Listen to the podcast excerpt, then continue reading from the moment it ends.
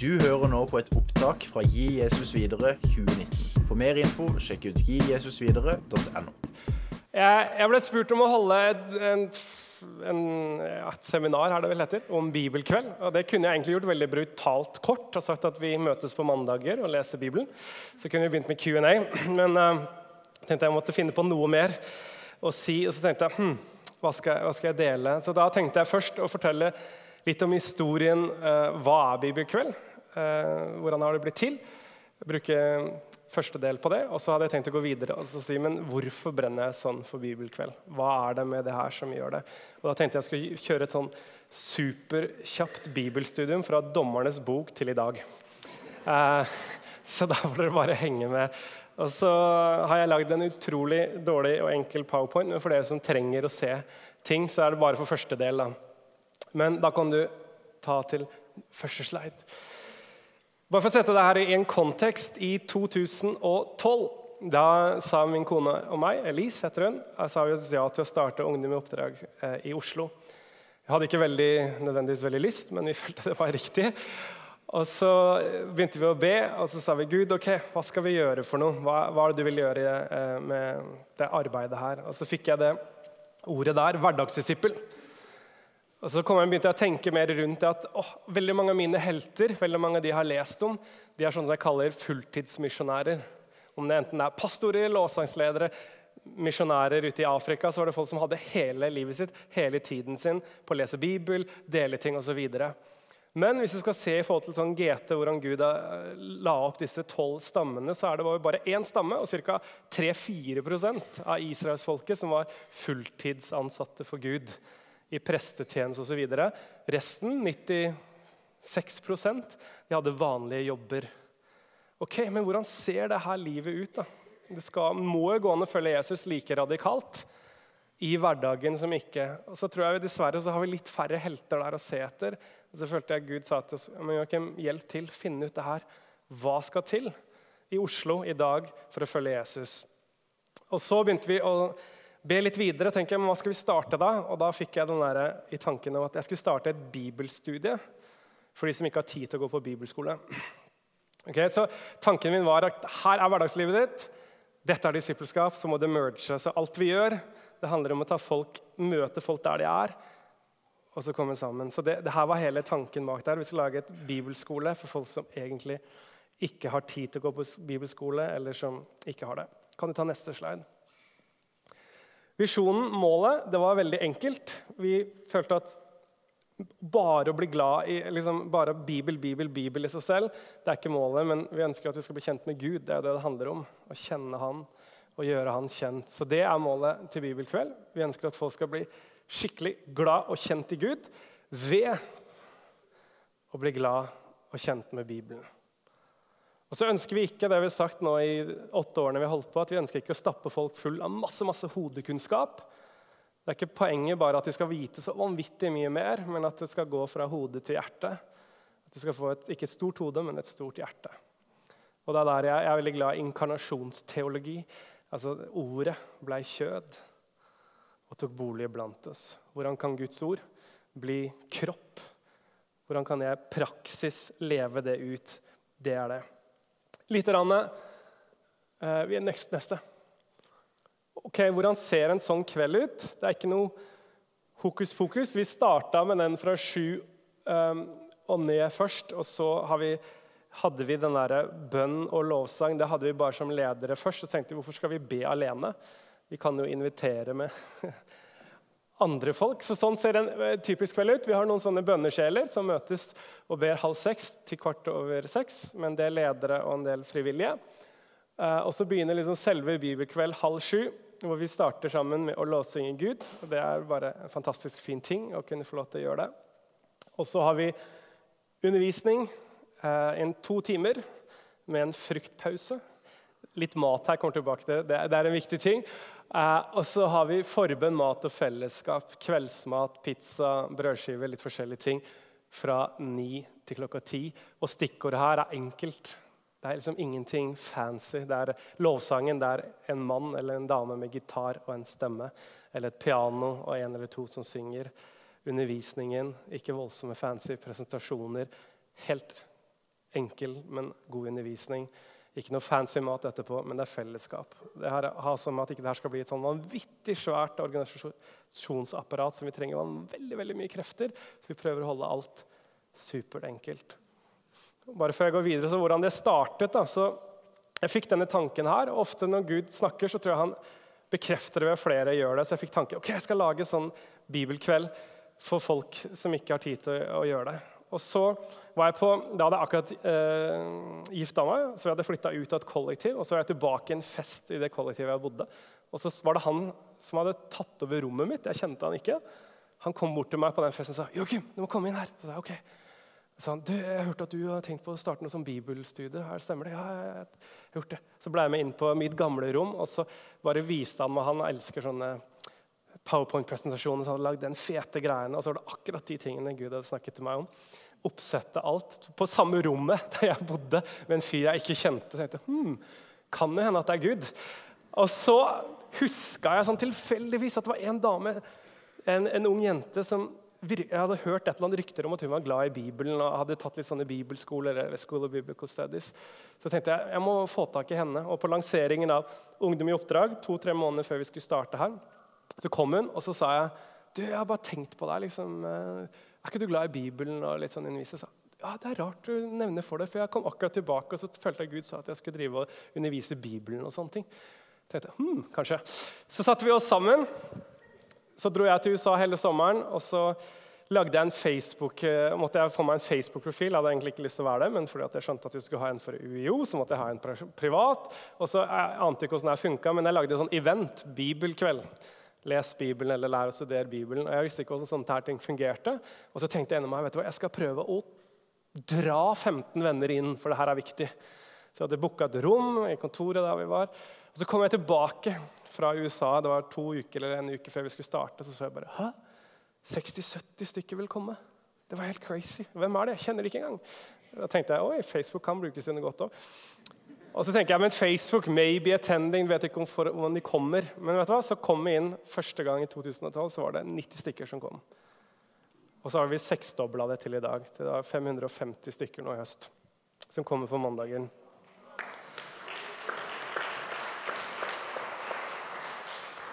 Og det er snart ti bibelkvelder i Norge, men det har startet opp overalt.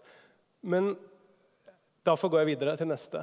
Eh, litt om hvordan vi har det. Vi starta med det som vi kaller NTGT-spor. Før var det bare bibelkveld.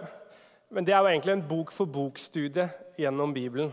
Altså Vi tar litt historisk kontekst, forfatter, setter det i en ramme. Det er viktig. Og så går vi gjennom hovedtemaene i boken, og så dykker vi ned i noen spesifikke historier eller evner. Det er hovedsporet vårt. og så, Etter vi har holdt på det noen år, tenkte vi at ah, når du har gått der, så ønsker vi at Folk hadde ikke lyst til å stoppe. Jeg har hatt folk som har vært der i sju år nå. Så tenkte vi vi må ha noe mer, så de slipper å gå gjennom Bibelen liksom litt annet format. Og da fant vi ut aktuelt. Det er en sånn ting ok, men dagsaktuelle temaer som vi har. Vi har hatt diskos, homoterapi Det har vært mye kristenting i, i pressen. Altså, hva, hva, sier Guds ord om de tingene her? Så har vi et kurs som vi går gjennom alle de sju sfærene. Politikk, eh, utdanning, helse, sport, kultur. Og så ser vi på det. Hva sier Bibelen om det? Finner vi en helt vi kan studere? Og så er det mye mer gruppearbeid. Og så jobber vi også med et sånn aktuelt tema på en av de kveldene innenfor den sfæren. All informasjon kan dere få mer og sende inn for et bibelkveld. så kan dere få sendt til detaljer. Men Det er mer gruppearbeid, mer diskusjon. Og så har vi en som heter Dypere. For vi fant ut at uh, bibelkveld, når det er flere hundre, så er det ikke så lett å virkelig gjøre sånn gruppearbeid og studie sammen. Så da har vi starta et mindre kurs samme kveld. Hvor vi går gjennom en sånn inductive bibelstudie og hjelper folk til å studere sjøl. Hvor vi bare kanskje har to små brev i løpet av et halvt år. Så vi tenker å gå dypere i teksten dypere i deg, altså hva gjør teksten med deg, og det å gi det videre. Og så har vi, For å gi det videre så jeg får mange informasjon, kan du komme og preke hit og dit. og sånn. Så tenkte vi at Jeg har ikke tid til det, og heller ikke noen av de andre som er hovedtalerne. Så tenkte vi at vi må få mange flere bibelundervisere i Norge. Så vi har starta undervisningsteam. sånn at hvis dere har lyst på besøk av det, så har vi en fem, seks, sju stykker nå som tenker ja, men jeg har lyst til å gjøre det. Og så sendes de ut til kirker og i Oslo og omegn for å lære eh, både å være en velsignelse og for å vokse i det og undervisningsteam. Og så har vi også begynt med Bibel-outreach. og tenkte ok, ut og undervise Bibelen til folk som ikke har tilgang på så mye bibelundervisning. Yes. Siste slidesen og tenker hvorfor har det blitt suksess? Jeg håper Gud er like glad i det. men altså, Jeg liker ikke ordet suksess. Men første tingen er Gud. Altså, jeg har aldri vært med på noe som har vært så enkelt i mitt liv.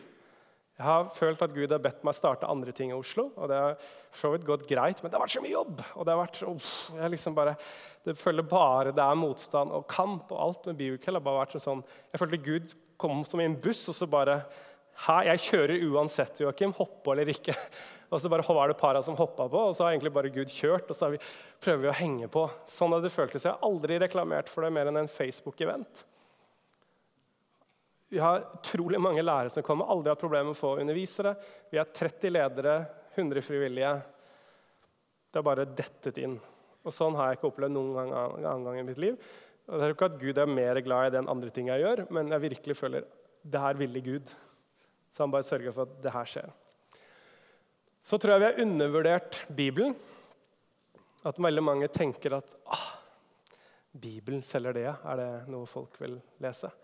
Og jeg tror Der har vi bomma litt, for folk eh, eh, er veldig begeistra for Bibelen hvis det undervises på riktig måte.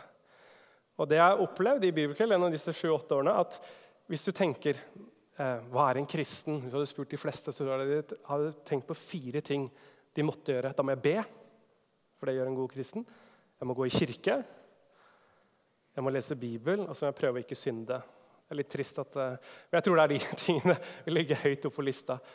Og Problemet i livet ditt er at hvis du vet noe du bør gjøre, og så gjør du veldig lite av det, da får du det der problemet, gapet mellom de tingene, som gjør deg dårlig samvittighet, og du sliter. Og jeg tror Bibel er sånn. Jeg kaller det lav bibelselvtillit. Veldig mange føler at de, også litt sånn bibelskam. da. Jeg burde ha lest denne boka her. Jeg burde jo vite hva jeg egentlig tror på. Men så ser de Bibelen, og så bare oh, Den er svær, den er tjukk, den er gammel. Så bare orker jeg ikke. Og så tror jeg Bibelen har truffet den der tingen der. da. Det her burde jeg gjøre, men jeg får det ikke til. Og så blir det plutselig Oi, det er mange unge som kommer sammen.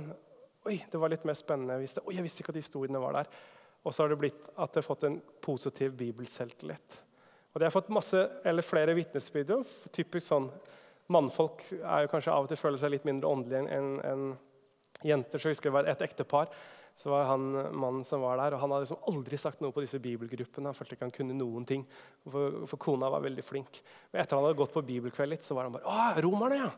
Og så bare begynte han å skrive til Paul, ikke sant? Og så syntes hun det var helt fantastisk, og familien liksom plutselig så var han litt sånn inn i bibelgrupper og inn i ting, så, så hadde han en helt annen holdning. Og veldig mange dessverre kommer inn der som 30-åringer. ikke sant? Jeg har aldri lest Gamletestamentet aldri hatt noen faste bibelting, sier du vet, nå leser jeg masse Bibel. for nå er jeg blitt så begeistra. I tillegg så har vi folk som har kommet inn, som bare har kjent at de skal lese Bibelen. og har ikke kjent en kristen og har ramla inn der. Fikk sjokk. Trodde de var på en rockekonsert. Det var ikke noe rock, men liksom bare, hva her? Og som har endt opp å ta imot Jesus og bli frelst. Og Det er ganske kult når Gud sender folk helt kirkefremmede inn. Og du skulle tro at de ville bli steile på sånn bibelundervisning, men de bare Det her er jo eksotisk, Joakim. Aldri hørt sånne meninger og ting før. Er det noen som mener det her? Kjempegøy. Og de syns det er spennende. Så Bibelen, det, det, måte, det, er, det er bra. Sikkert, sikkert dere tenkte det. Undervisningen hvis, skal, hvis, poenget er at folk skal bli glad i Bibelen og glad i Gud igjen, så må det være bra undervisning. Det viktigste med Bibelen er ikke underviserne, men at folk leser og studerer og lever ut selv. Men det hjelper med god undervisning. Eh, og at underviserne er folk som ikke bare har masse hodekunnskap også. Vi prøver å ta inn folk hvor liv og lære stemmer. At vi vet at ah, det her er folk som kjenner Gud, er glad i Gud og lever ut budskapet selv. Bønn. Ingenting bra skjer uten bønn. Jeg tror det, Vi er heldige der og har en god gjeng som ber. Vi har hatt opptil 50-60 stykker på bønnemøter. Det syns jeg er ganske utrolig i Oslo, Busy Oslo. Og så Fellesskap det må vi ikke undervurdere. Det her konseptet jeg har gjort, har egentlig stjålet litt av min gode venn Lars Olav Gjøra, som heter Bibelnerden. Kan du gå inn der, En bra kilde å hente mye kunnskap på, på nettet. Han kalte det 'Bible by night'. Det var når jeg Han hadde det i huset mitt for liksom seks-sju år før vi starta bibelkveld.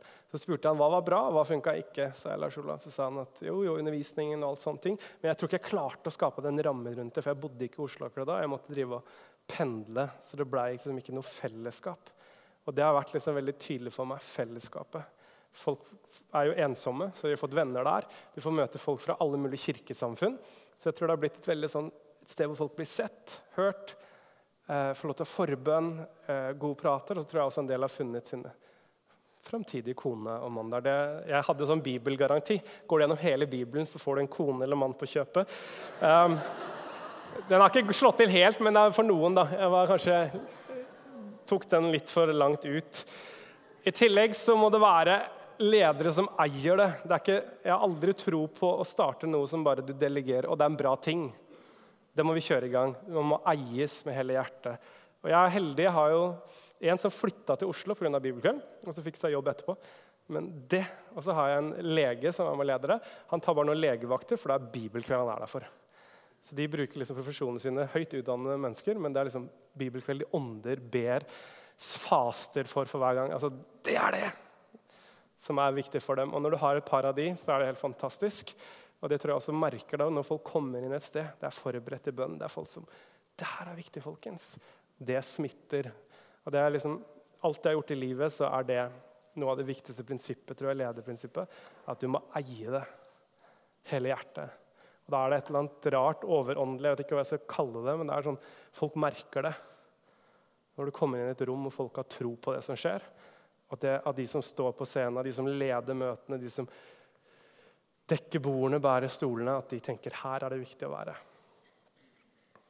Så jeg vet ikke, jeg håper du har fått en liten tanke. Så, så det viktigste hvis du vil gjøre noe sånn her der hvor du kommer fra, så ikke bare å, vi må bare, vi må bare kjøre i gang, kopiere alt sammen. Det, det, jeg har tro på inkarnasjon. Hva funker hos dere i deres setting? Og så må dere eie det skikkelig mye. Men jeg anbefaler altså eh, bibelkveld. Jeg vet jeg starta i Kristiansand, hvis noen vil gå her. Jeg vet jeg starta tre i Bergen.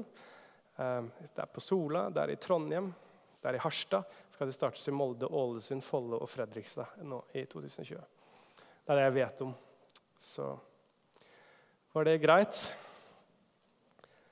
Da kommer jeg til den jeg egentlig brenner mer om å si, og det er hvorfor. Da, har jeg ikke noe, da kan du ta neste slide. Det var det. Det er sliden jeg har for de neste 40 minuttene.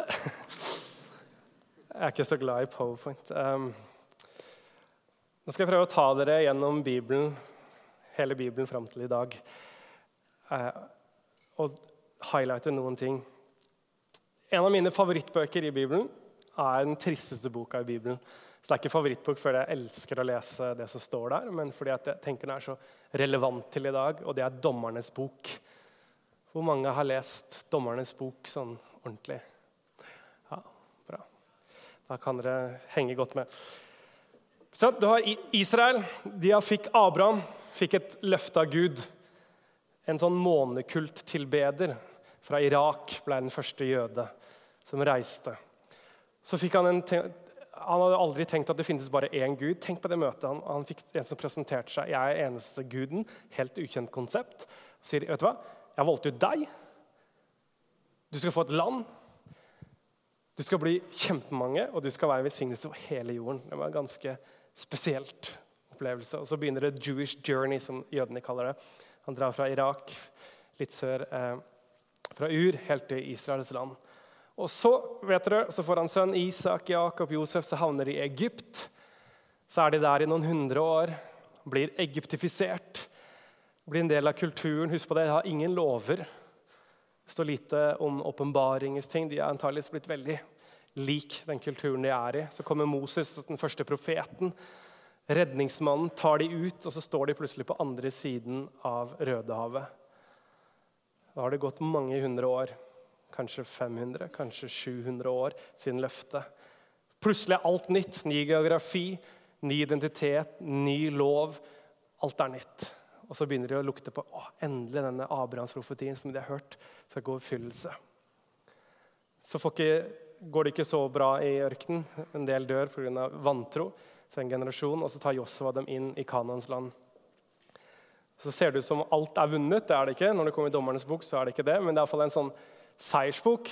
Gud er med dem, Gud hjelper dem i noen kriger. Og så tenker du nå har de jo endelig kommet inn. Nå skal de innta landet, eller de har akkurat vært der. De skal bosette seg der, og så skal de jo leve drømmen. Denne nå 800 år gamle løftet skal bli oppfyllelse. Da tenker du når du kommer til Dommernes bok nå! Nå må det bli bra. Og så er det de tristeste boka i hele Bibelen. Hvorfor?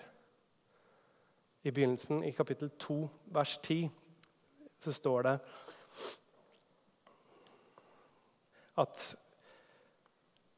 så lenge Josva det startet i 2,6, så lenge Josva levde, så, folk, så, holdt folk seg til Herren. Men så ble Josva og hele den generasjonen forent med sin Gud. Så står det Snart var hele dette slektsleddet forent med sine fedre. Og etter dem vokste det opp et nytt slektsledd som verken kjente Herren eller visste hva han hadde gjort for Israel. Så passer jo, tenkte jeg, denne talen eller undervisningen er litt perfekt med orange. Gi det videre. Tenk på det. Her har du Josfas generasjon. Han som hadde tatt over og fått over alt fra Moses, en god overføring. Så dør han og hans generasjon, så kjenner de ikke igjen Herren. Én generasjon. Alt borte. Og så tror jeg ikke det var at De aldri hadde hørt om utgangen av Egypt, aldri hadde hørt om Moses eller noe lover. Men de brydde seg ikke om det. Det var ikke viktig for dem. Det som ikke er viktig for foreldrene, er ikke så viktig for barna. I hvert fall hvis ikke det har blitt overført hjemme. Og på én generasjon så var mista de alt. Og så går hele denne spiralen her, syndspiralen gjennom hele dommernes bok. Den går sånn De synder. De tilber alle andre guder. Så gir Gud dem over til de gudene, altså de folkene som tilber de gudene, blir slaver. Og så blir de lei seg. 'Å, Gud, fri oss ut! Det er helt forferdelig!' Og så sender Gud en dommer, og så frir han det ut, og så har de fred. Og så når dommeren dør, så synder de igjen. Og så går den sirkelen, og så blir det dårligere og dårligere. Mindre fred. Etter hvert blir det ikke fred. For hver gang en generasjon, så er det borte igjen. En generasjon borte, en generasjon borte, en generasjon borte. Og så slutter det helt grusomt. I kapittel 17 så er det en sånn historie om Mika. Veldig veldig rar historie. Uh, om en som stjeler penger fra moren. og Så oppdager moren eller han sier det til moren, og så blir moren kjempeglad for at han bekjenner det. Og så bygger de da et slags alter eller en slags lite helligdom inne i huset. Og så ansetter de en levit som bare tilfeldigvis er forbi. Og så sier Mika i slutten av kapittelet der Nå må Gud velsigne oss. Nå har vi lagd en helligdom, og vi har til og med en prest i huset. Og hvis du da som en god jøde kan Bibelen din, så tenker du nei! Gud har sagt du skal bare til og med på ett sted. Der skal vel levitene være. Og så plutselig så ser du hmm, alvoret av det siste setningen i det. Hver mann gjorde det som var rett i øynene. Det var ingen konge i Israel. Hver mann gjorde ikke det som var galt i egne øyne. Han gjorde det som var rett i egne øyne. Problemet var at det var galt i Guds øyne. Så Mika går rett imot alt det Gud vil. Men så står han der og tenker nå må Gud velsigne meg. Nå har jeg virkelig gjort det som Gud ønsker. Jeg tilber Javé på en helt feil måte. Så kommer kapittel 18. Da tar hele Dans stamme med seg denne presten, inntar et sted, setter opp en, en, eh, en efod eller hva det er for noe. Og da er det sønnesønnen til Moses som leder tilbedelsen. Helt feil sted, og det blir en avgudsdyrkelse. Helt stamme som skal ære Gud, være et lys for nasjonene. Og så går det enda verre. I kapittel 19 og 20 så er det en levitt som har en medhustru. Han skulle ikke hatt en medhustru. Hun stikker av, han drar hjem, finner henne hos svigerfar. Får henne med seg. Tør ikke å stoppe i Jerusalem. Den er ikke blitt inntatt. Tenkte at fremmede folk de er for, for farlige her, så han drar videre inn i Benjamin. Og finner en by der. Så skal det, bør det lyse lamper. For det er ingen som vil ta han inn. Jødisk kultur, gjestfrihet, noe av det viktigste. Så hvis du leser Bibelen, tenker hm, hvordan er gudfryktigheten her? Og så kommer det til slutt en gammel mann, tar denne presten og medhustruen inn. Og så står det at hele byens mannfolk samler seg, dunker på og sier at vi vil gjøre med han som vi vil. Altså en massevoldtekt. Dette er Guds folk. Det skulle være lys for nasjonene. Og Så sier han gamle mannen at nei, nei, nei, jeg kan ikke sende gjesten min ut på det her. Det her funker ikke. Og Da tar presten erfare, tar medhustru, kona si, og gir dem kona si. Går og sover mens de massevoldtar henne til hun dør. Helt grusomt. Kommer han ut døra, finner henne der døende foran der, kutter henne opp i tolv biter, sender henne ut og sier har noe sånt skjedd i Israel. Så blir de hissige. Så går de, Benjamin vil ikke overgi seg. Så dreper de nesten en hel stamme. Så røver de noen kvinnfolk for å bevare stammen. Sånn slutter denne boka. Her skulle det være storhetstiden til Israel. De hadde endelig fått landet. Løftene til Abraham. Og så ender det der. Hvorfor? De kjente ikke Herren lenger. De kjente ikke Guds ord. Mange av de trodde at de gjorde det som var rett. Men problemet var at de gjorde det i egne øyne. De hadde ikke en rettesnor, de hadde ikke en sannhet. Ser det her hvor, hvor galt det kan gå? Bare på noen generasjoner så er det lyset, nasjonen, som skulle virkelig være der. Så langt unna. Og de trodde de gjorde Gud en tjeneste. En annen måte å se på det også, er å se på kvinnene i begynnelsen i Dommernes bok. Så er de nevnt med navn. De får arv. Det bor av en profet. Slutten så er de navnløse, voldtatt, røvet. Hvordan du behandler de svakeste. I den tiden så var de svakere enn gutter i en, en macho krigerskultur. Så ser du her hvorfor. De bygde ikke livet sitt på, denne, på loven, på Moses. De hadde glemt det. Det var ikke viktig for dem. De trodde de visste bedre, og så endte det der. Heldigvis så fins det et bedre eksempel. Nå skal jeg ta dere med derfra fram til i dag. Ligger jeg greit an tidsmessig? Ja, en halvtime. Det skal gå bra. Ok, Så du er slutten av Dommernes bok. Så får du heldigvis en gladhistorie med Ruth. Så kommer Saul, som starta greit, gikk dårlig. Og så får du piken David. Da har de virkelig inntatt landet. De lever der. De er gudfryktige. Veldig veldig mye bra igjen. Men så begynner den etter hans eh, affære med Batseba. Så begynner Davids kongedømme å rakne og få konsekvensene. Og så går det nedover sånn helt til begge stammene, hele landet, er blitt bort, bortført. Først i Syria og så Juda til Babylon i tre omganger. Så er de der i 70 år, klager til Gud. Men Gud sier, 'Bli der, velsign landet', osv. Så, videre. så får de lov å flytte tilbake etter 70 år. Og så skal de bygge opp Jerusalem, bygge opp tempelet. Men så blir det ikke liksom like fint som i Salmos dager. Så når de er ferdigbygd tempelet, så gråter de istedenfor. Ah, det her var ikke Nei, det er ikke sånn det skulle være. Det er ikke De tingene. De er fortsatt okkupert. Så går årene. De har bare et lite øyeblikk på 200-tallet hvor det er et fritt land. Ellers er de okkupert fram til Jesu tid. Og så er ikke profetordene like sterke. Gud sender ikke masse profeter. Og Det er den tiden hvor man samler Gamletestamentet, skriver det ferdig. Og så begynner det å forme seg partier, religiøse partier, bevegelser som sadukere, som farisere, esere osv. Man er ikke helt sikker akkurat, men sånn, kanskje 200 før Kristus. Og så leser disse fariseerne og tenker men hvorfor har vi det så dårlig? Hvorfor er tilstanden så trist for Israel? Og så begynner de å lese ja, men det er jo femte Mosebok. Hvis dere lever og følger mine lover, sier Gud, så skal jeg velsigne dere. Så skal det bli stort. Men hvis dere ikke, så får dere forbannelse konsekvenser. Så kjente vi ah, Problemet til Israel er at vi synder. Vi følger ikke Guds lov. Så begynte en sånn renhetsbevegelse, og så begynte de å tenke på en Vi må følge loven! Og så tenkte de ja, det er bra, men det er 613 lover. Det er ganske mange. Hvordan skal jeg klare det her? Og så fant de ut at men noen av de er jo nesten litt sånn De kan krasje. For det står at du skal holde sabbaten hellig. Ok, det er viktig. Men så står det også at du skal hjelpe naboen hvis eselet hans faller ned i et hull. Og hvis eselet faller ned i et hull på sabbaten klokka tolv, når sola steiker i Midtøsten, da blir du svett. Da er det arbeid. Da måtte du begynne å diskutere men hva veier tyngst. Hva er det største budet? Gjenkjenner diskusjonen på Jesu tid. Hva er det viktigste? Hva er det største? Sabbatsbudet eller å hjelpe de neste? Og da tenkte de vet du hva, vi må ha en mission statement. Vi må ha ett bud. Kjernebudet, kjerneloven i loven. Det må vi finne, og så kan vi tolke alt ut ifra det. Når du tenker på Moseloven, ikke tenk sånn loviskhet. Tenk grunnlov, veiledning, guidance. Husk på det at Jødene de elsker den til en dag i dag. Altså de fem første Mosebokene, det er der. Sadukeerne mente ikke at noe annet en gang var Guds ord. Fem Mosebøkene, det var det er der oppe.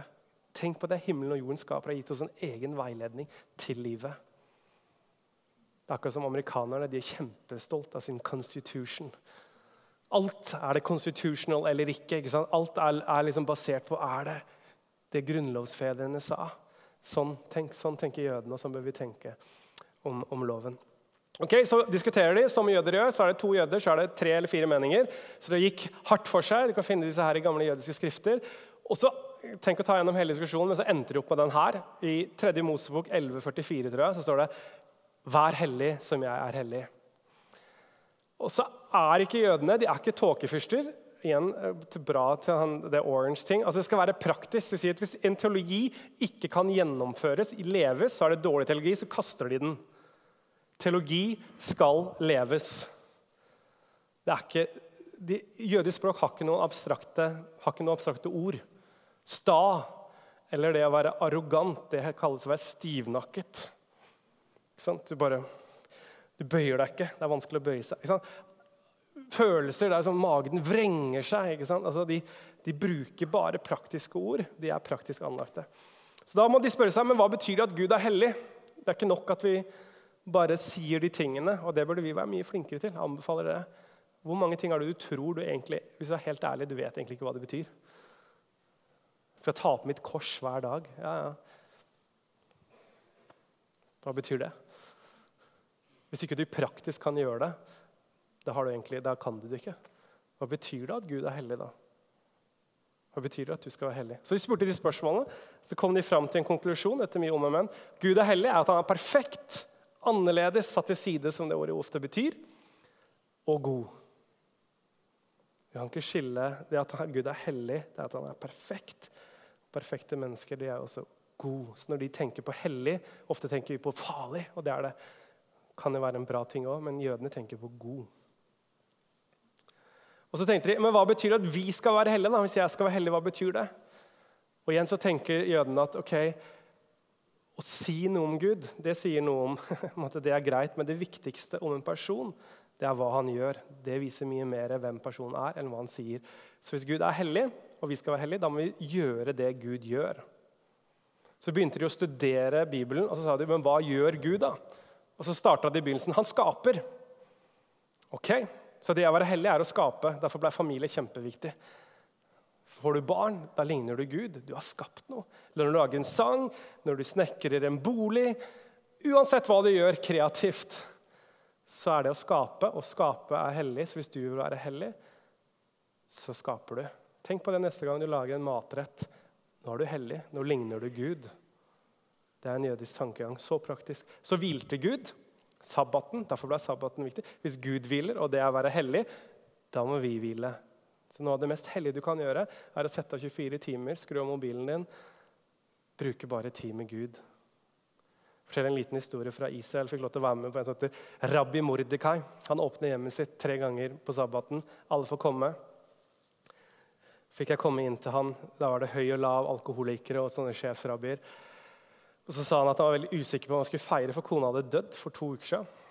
Så du merka at det var litt sånn laber stemning. Og så sa han men dere får ikke lov å nevne mitt kones navn, for sabbaten er som en øy. Der er det glede, takknemlighet og alt. Og hvis dere nevner min kones navn, så begynner jeg å ro meg tilbake. Og Så gikk kvelden, og vi spiste og prøvde å ha det koselig. Og, var, kona var skikkelig, utrolig bra, for det. alle ville egentlig var litt sånn sørgstemning. Så de reiste å, kon! Og så begynte de, og han bare Nei, nei, nei, nei, nå begynner jeg å ro! Og så var det bare opp, og så lå på å danse og herje. Og så, og så tenkte jeg i begynnelsen å, så hyklerisk. liksom. Hun er død, du må få sørge. Og så tenkte jeg å, for en fantastisk ramme. For jeg har også måttet sørge i mitt liv. Jeg har mista mange nære venner. Og det er tungt å sørge. Og så har Gud gitt oss den der rammen. Ja, nå skal du hvile fra det. Nå skal du få lov å glede deg. Nå skal du få lov å slappe av. Og jeg tror er det noe vi trenger i dag, så er det å skru av huet litt. 24 timer og gjøre det. Så når du gjør det, så ligner du Gud. Mate de sultne.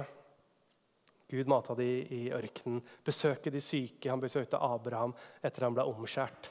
Trøste de sørgende. Han kom til Isak etter han mistet faren sin begrave de døde. Moses ble begravet av Gud selv. Ser du hvor enkelt det er? Hvor praktisk? skal du være hellig. Du tenker at hellig, det, å, da må jeg faste og be. eller sånn.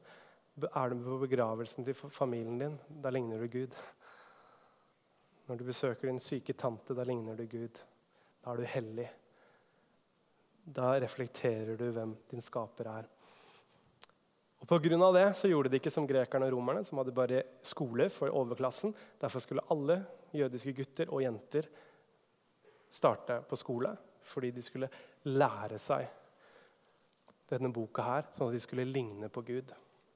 Derfor kunne de fleste Jerome, han som oversatte Bibelen til vulgata til latin, som er liksom katolske bibel, han flytta til Betlehem for å lære seg hebraisk. Han sa at nesten alle, han var helt sjokkert. Nesten alle guttebarn kunne Abraham til Zakaria utenat. Altså basically hele Bibelen utenat på rams. De begynte når de var fem-seks år, og så bare stappa de Bibelen full, sa de. Og så synes Jeg det var gøy, jeg skulle ikke si noe imot han Dan Scott, men han sa at vi må være relevante. Så liksom, Vi begynner ikke med tredje Mosebok. liksom. Jødene begynte med tredje Mosebok. Jesus lærte, begynte å lære ved å lese tredje Mosebok. Det er den viktigste boken i hele Bibelen for dem. Bare litt sånn kultur, Jeg vet det var en annen kultur, for de måtte lære seg at Gud er hellig. For hva vil si å være hellig? Det må vi være. Så En jødisk gutt ville starte på det stedet vi aldri ville bedt noen å lese. Det var liksom kjernetekstene til Jesus. Så tenk på den konteksten. da. Jødene omgitt alle mulige andre religioner, hvor alle hadde et bilde av Gud. sånne ting. De hadde en bok. og når De skulle, de hadde et fysisk sted hvor Gud var, men de fikk aldri se Gud. For de innerste mørke rommet fikk bare noen få komme, og det var helt kullsvart. Med bare noe røkelse. De hadde aldri sett Gud, så de måtte lese der for å finne ut Gud der. Og I den konteksten hvor folk går på skole, det er disipler og rabbier, så kommer Jesus og blir menneske, Gud selv. Sånn at Da trenger ikke de bare å sitte i Bibelen og bla og finne ut, men så kunne de plutselig se Gud selv gå. Hva var poenget med disippelskap? Du skulle ikke kunne det rabbien du skulle kunne. Du skulle bli som rabbien din. Derfor hang de på han som klegg. Og Derfor var ordtaket 'May you be covered by the dust of your rabbi'. Må du gå så tett på din rabbi at støvet fra sandalene fyller deg. sånn at du skulle tenke. Hvis du bare var uoppmerksom ett sekund, så kanskje gjorde rabbi noe du trengte å lære. Derfor hang de sånn klegg på han, for de ville lyst til å bli som han. De så hvor han gikk på do, hvordan han spiste. Jeg tuller ikke, de, har, de, de, de følger etterpå alt. altså. Hvordan kledde han seg, hvordan snakka han med kvinner, hvordan møtte han syndere, hvordan møtte han andre rabbier, hvordan snakket han med fariseerne, kongelige. Alt. De skulle bli som han blir. Ser du her? Hvor viktig disippelskapet er. Og i kjernen er den boka her, Bibelen. Og Det var det det alt handlet om. Så kom Jesus, valgte tolv stykker, motsatt av de alle andre rabbier. Du måtte komme der som en ung student så måtte du liksom spørre rabbien vær så snill, jeg har lyst til å være din disippel. Og så ville de ha forhør på timevis av forhør for å sjekke er du god nok. Og Jødene har sånn remits, er sånn hintegreie med dem. Så de ord som matcher eller ligner, eller noen sånne ting, det kobler, det er sånn de kobler teologi. Så, så for så kunne de sagt hvor mange ganger står det 'brønn' i Toraen. Så måtte de bare begynne å ramse opp brønner. Og Så kunne de spørre om, eller quote et sted i Isaiah, og så tenkte de ok, han sier det ordet der, hvor annet er det lignende ord? Og så svarer de ah, det står noe annet i salmene. Så svarer disiplene i salmene. Så svarer rabbin med tredje Mosebok, for det er linka mot den. Så kunne de holde på i timevis. Sånne fram og tilbake-spill. Og hvis han var god nok, så sier han ok, du kan bli min disippel, for jeg tror at du kan videreføre min lære. Jesus gjorde det motsatt. Han kalte disipler. Så hva er det de unge guttene hørte da? Jeg tror, han tror, Jesus tror, at jeg kan bli som han. Tror har, Jesus tror at jeg har det som skal til for at jeg kan bli som han. Dette er disippelskap, folkens. Det skal bli lik Jesus. Og du kan ikke I dag så kan du ikke Så er vi overlatt. Vi ser ikke Jesus fysisk. Så vi er overlatt til å lese historien om han. En jeg skal besøke nå, som var en av mine helter i USA om en måned, han sa at han har gått tolv år forskjellige rabbier og lært, ikke, ikke messianske. Han sa jeg er så lei av å være, alltid være den der dusten i klassen som ikke kan noe. Og han kan sinnssykt mye. Første klasse han tok, var med 32, nei, 32 var de, 31 ultraortodokse jøder. Og så var det han. Han var den eneste som ikke kunne Bibelen på to språk utenat. Så han satt der bare Jeg følte meg så dum. Kunne jo ingenting. Alle bare 'Hæ, er du kristen?' liksom. Du kan jo ingenting. Og de sa det, han rabbien sa det til han. Hvis ikke du leser alle evangeliene minst gjennom en gang i måneden, så er du en hykler. Da kan du aldri vite hva Jesus ville gjort. Og han bare Men jeg vil vekke dere, ikke for dårlig samvittighet. Men det her er hele konteksten. Hvorfor forteller jeg det? Det er konteksten Jesus kom inn i. Disippelskapet. De ville ligne Gud. De ville være hellige som Gud er hellig. Så sa Jesus okay, jeg, freiser det på, jeg vil si det på en annen måte. Du skal elske Herren i Gud og de neste som deg selv. Men hele poenget er jo igjen å bli lik Gud. Hvordan ble de lik Gud? Jo, for hva gjør Gud? Jeg må leve det ut. Så kommer Jesus, viser disiplene sånn lever jeg. Nå må dere begynne å leve sånn. Og så er vi takk til takke med at vi må da tilbake igjen i Bibelen og lese ja, men hvordan er Gud, hvordan møtte han de? Ok. Funka det? Ja, altså ikke det, men funka det å følge Jesus?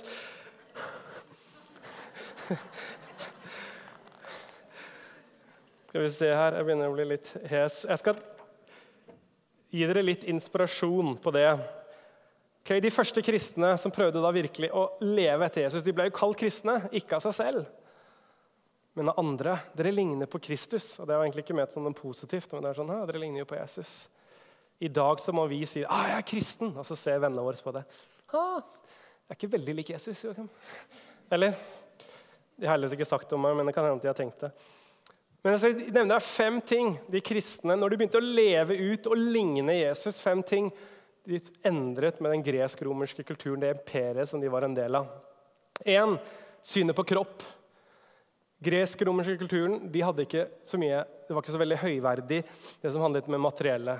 De tenkte at det virkelig var det åndelige. Verden var skapt i et kaos, en krig osv. Så, videre, så de så ned på den materielle Platon. ikke sant? Ideelle verden der oppe. Verden var nesten som en illusjon å regne. Så kommer kristendommen og sier hei, vent. Det er jo Gud som har skapt den materielle verden. Han sa det var godt. Og han sa, skapte mennesker sa det var veldig godt. Og hei, Vi snakker ikke bare om sjelens frelse, men om legemets oppstandelse. Kropp er viktig. Og så kom kristendommen og hadde det mest positive synet på kroppen og det skapte, som noen gang har vært der i den, den, kulturen. Og vi som ofte tenker at vi er kroppsfiendtlige, det var vi som satte kroppen i fokus. Og det gjorde, gjenførte at folk begynte å gi klær til de som frøys, gi mat til de som sulter. For hvis ikke kropp er viktig, hvorfor skal du mate noen som sulter da? Tenk hvor basic det her er. Vi tar det for gitt, men det har om hvilket syn vi har. Forståelse av historien den har alltid vært sirkulær i de omgjørende, om de i gresk-romersk kulturen gikk rundt og rundt. Så kom kristne og sier hei, vent litt, Gud har skapt verden. Han er historiens herre. Han skal gjenskape det. Den går mot et mål. Det går ikke bare rundt. Og så lanserer kristendommen et helt nytt konsept, historisk progresjon.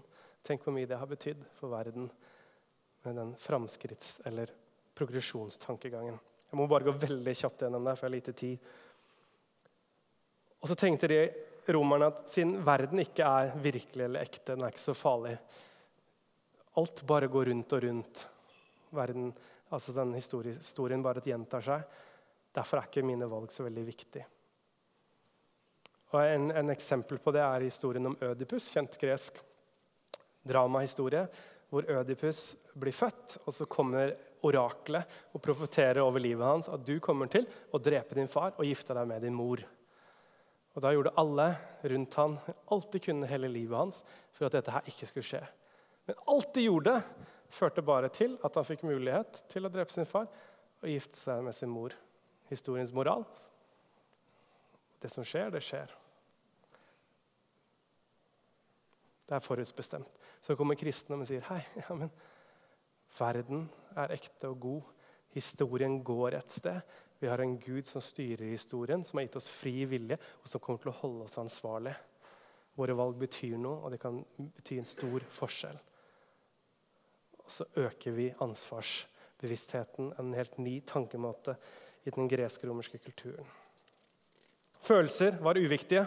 De, spesielt de stoiske filosofene tenkte på følelser som noe negativt. for ne De satt i kroppen, og kroppen var negativ, mens det åndelig satt i hodet i hjernen. Så det var om å gjøre bare å kontrollere de, fjerne de.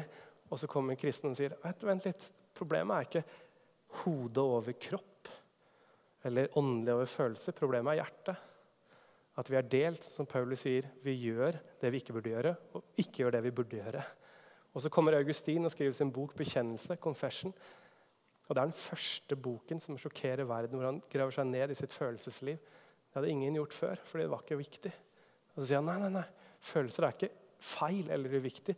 Du må bare refokusere det mot Gud. Lære av det. Fem. Gresk-romerske mente at individet ikke var så viktig. Filosofen underviste at hvordan når du dør, så blir din ånd en del av universets ånd. Tenk på en dråpe som droppes i havet. Dråpen er ikke borte, men den er bare en del av en stort hav. Og Siden grekerne mente at forstand og logikk var veldig viktig, så tenkte, kunne Aristoteles hevde at siden kvinner var mer følelsesstyrte og menn mer rasjonelle, så hadde kvinner halv, halv verdi. Det var sett på som halvt dyr, halvt mennesker. Så vi, vi hauser jo opp den romerske kulturen veldig, men de var ikke veldig kvinnevarme. Eh, kan vi si det sånn. Eh, og så mente de at noen kunne være slaver fordi de var mindre logisk og, rasjonelle. Og sånn så kunne de godgjøre at hele romerske imperiet var bygd på slaveri. Og Så kommer kristendommen og sier nei, vent, vi er skapt i Guds bilde. Alle ligner på Gud uansett kjønn, rase osv. Og så får individet og menneskeverdet en helt, helt ny status. Jeg har vært reist mye i hele verden. Fortsatt i dag. Mennesker er ikke alle like verdifulle i alle kulturer. Det er ikke noe allment menneskelig om det. Det er Bibelens fortelling og jødisk og kristen kultur som har brakt det. Og vet du hvem som brukte store deler av livet sitt til å forsvare det? Friedrich Nietzsche, vår kjære tyske ateist og filosof. Han sa det til sine medateister. Hvis du bryr deg om de fattige, hvis du viser barmhjertighet mot de svake, hvis du mater de sultne altså Hele den pakka der. Hvis du gjør det, da er du en kristen, selv om du sier at du ikke tror på Gud. For alt det her kommer fra kristendommen, og han ville bli kvitt alt sammen. Han skjønte hvor det kom fra. Det var de kristne som hadde innført det her. Derfor vil han bli kvitt det, så at du lever som en kristen selv om du nekter for en gud. Og Jeg tror i dag at det er mye av historien i Norge. Vi vet ikke hvor vi har det fra. Veldig mange har veldig mange, Vi har blitt ekstremt påvirket av kristen og bibelsk jødisk tankegods. Men vi anerkjenner ikke hvor det kommer fra. Og så glipper det stadig vekk. Og så begynner vi å nærme oss dommernes tid, hvor alle gjør bare det som er rett i egne øyne. For de kjenner ikke sannheten. Og så glipper menneskeverdet fordi Plutselig så begynner vi å måle hva er egentlig viktig for samfunnet, hva er økonomisk viktig, hvem, hvem kan yte, istedenfor at du har en dyp dyp forankring. Så jeg har tenkt på det avslutningsvis. Men hvorfor Når vi vet alle disse tingene her, hva er det som, som hindrer oss i å hjelpe fattige innvandrere osv.? Vi er ikke så veldig gode alltid i Norge heller. Så slår det meg noe Jesus sa i bergprekenen, at salig er de fattige i ånden, for de skal arve himmelriket eller Guds rike. Og så igjen så må vi spørre oss hva betyr det å være fattig i ånden? Det er jo en sånn ord som kan blitt svevende. En av mine favorittalere, Timothy Keller, og mange andre teologer konkluderer med at det betyr at du er et åndelig konkursbo. Du har ingenting å vise fram, fram, Gud. Okay, kommer, la oss ta et sånn bankeksempel. Jeg kommer til banken, skal kjøpe et hus til fem millioner. Jeg er fattig, jeg trenger hjelp, jeg trenger alt fra banken. Dere må låne meg alt. Gi meg alt. Jeg har ingenting å vise til. Jeg må bli tilgitt fra topp til tå. Tenk på Jesus sier den som har tilgitt mye, eller elsker meg mye, som har mottatt mye nåde, har mye nåde å gi. Og hvis du gjør det, så sier Timothy Keller, hvis du har skjønt at du er fattig i ånden, da kan du aldri gå til en fattig person på gata eller en innvandrer eller hva du sier, Kom deg opp, liksom, ta deg selv i nakken, skaff deg en jobb. Men en litt over, se på meg, hva jeg har fått det til. Det har ikke du. Hvis Gud hadde sagt det samme om deg, så hadde du vært fortapt. Så Hvis du forstår at du faktisk er helt fortapt, så gir det deg en ydmykhet i møte med andre mennesker. som skjønner at oi, den personen trenger også nåde, også hjelp. Det betyr ikke at du ikke skal sette krav og sånne ting. Så det jeg tror vi er i Norge, spesielt i Oslo, middelklasse i ånden Vi kommer til banken. Skal vi ha dette huset på fem millioner? Sier jeg, men jeg har fire millioner sjøl. Jeg trenger bare én million. Vi har så mange gode gjerninger, levd et godt liv. Hva gjør det da? Vi trenger lite tilgivelse. Så vi har lite tilgivelse å gi. Vi trenger lite nåde. Så vi har kanskje ikke så mye nåde og kjærlighet å gi. Og så fort så blir vi her. 'Å ja, du har én million, ja. ja. Fire.' Og så begynner vi å rangere oss. Jeg tror noe av løsningen til det her disippellivet det er å forstå at jeg er fattig i ånden. Og det er ikke lett å faktisk tro på når man har levd et godt liv. Og innse sin egen egoisme. Så hvorfor bibelkveld? For jeg tror at det her er kjernen. altså Disippelskap er kjernen. Hele vårt liv vi er skapt for. Å bli kjent med Gud. Han skapte oss fellesskap. Og så er vi skapt i Guds bilde for å ligne Gud og utbre Guds rike. Og Det kan ikke være en disippel uten å kunne ordet, for det er eneste objektive kilden vi har til å forstå Gud i dag. Legg merke til de fleste vekkelser. Vi varer bare én generasjon. for, for, for dårlig. Men de fleste stedene hvor det går at skogen, det er for at man setter seg på ett lite vers, en eller annen åndelig guruopplevelse. Men de som varer, er der man er grunnfestet i ordet. Og Skal du og jeg bli kjent med Gud og ligne Gud og gjøre det vi er skapt til, så kommer vi ikke unna Bibelen. Og Det koster litt krefter å studere. Det tar litt tid. Men det er ved å fylle oss med Guds ord, sannheten, og la det bli virkelig spørre disse spørsmålene. Hva betyr det? Men hva mener du egentlig, Gud? Ja, men Hva er det her for noe? Så må vi gjøre det praktisk, sånn at vi kan faktisk klare å leve det ut. Vi må forstå de grunnleggende sannhetene, bl.a. at Jesus døde og sto for oss. At vi er fattige i ånden, at vi er desperat avhengige av Gud. Av hans hjelp og hans ånd.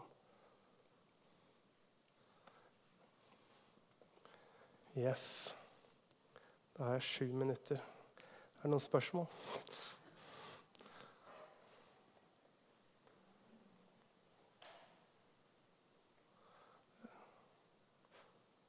Yes.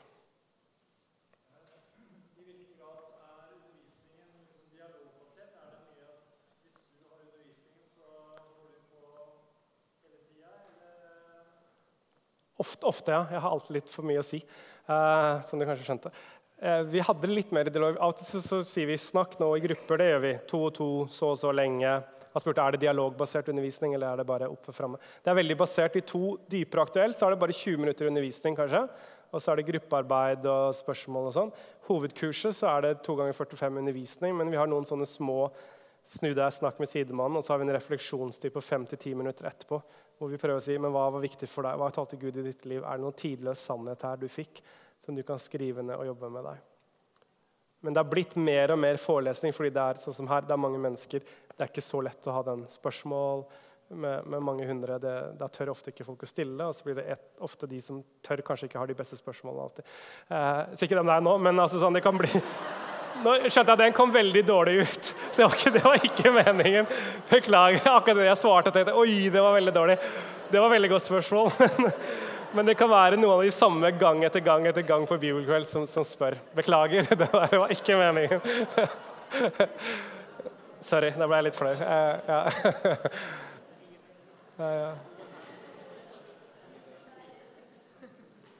Sånn kan det gå.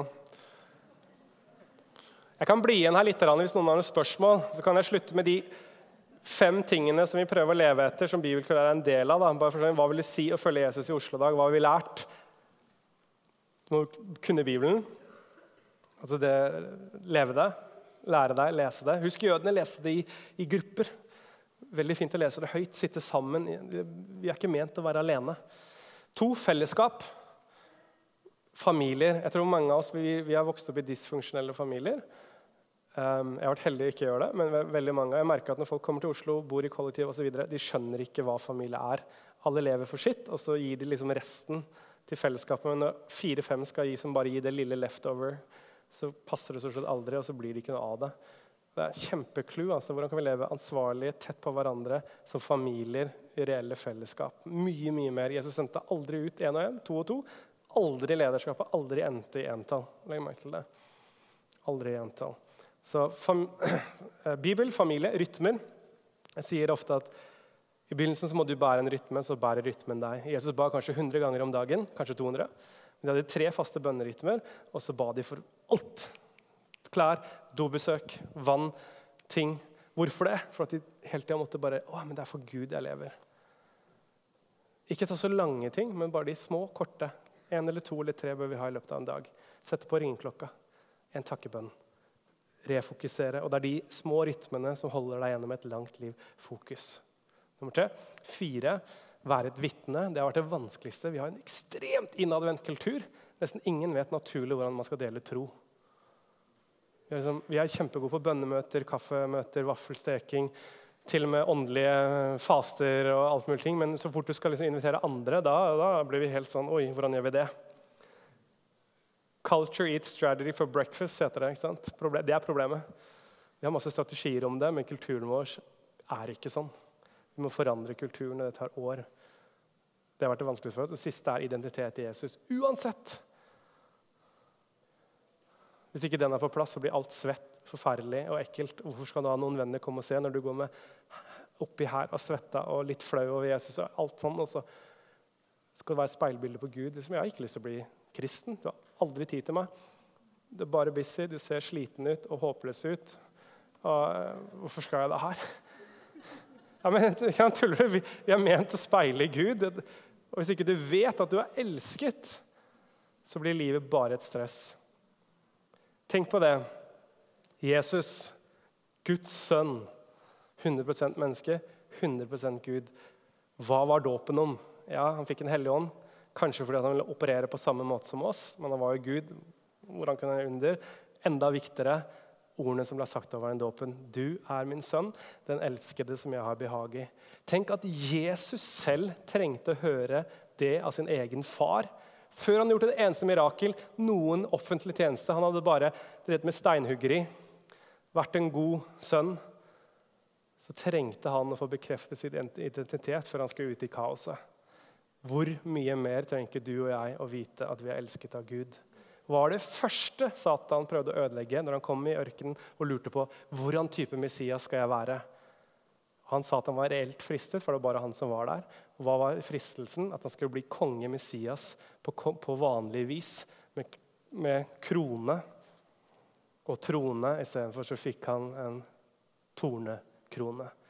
Det var hardt for han. Og hva var det Satan frista han hele tida? Er du Guds sønn? Er du Guds sønn? Legg merke til det. Han gikk rett på og prøvde å stjele bort den åpenbaringen i dåpen som hadde skjedd før. For han visste at han tar han bort identiteten til Jesus, så vil han aldri klare å fullføre det. Tar Gud, tar Satan bort din og min identitet til Jesus, så vil vi aldri mer ha det gode, fruktbare disippellivet. Jeg kan være der og ta imot prat. Takk for meg.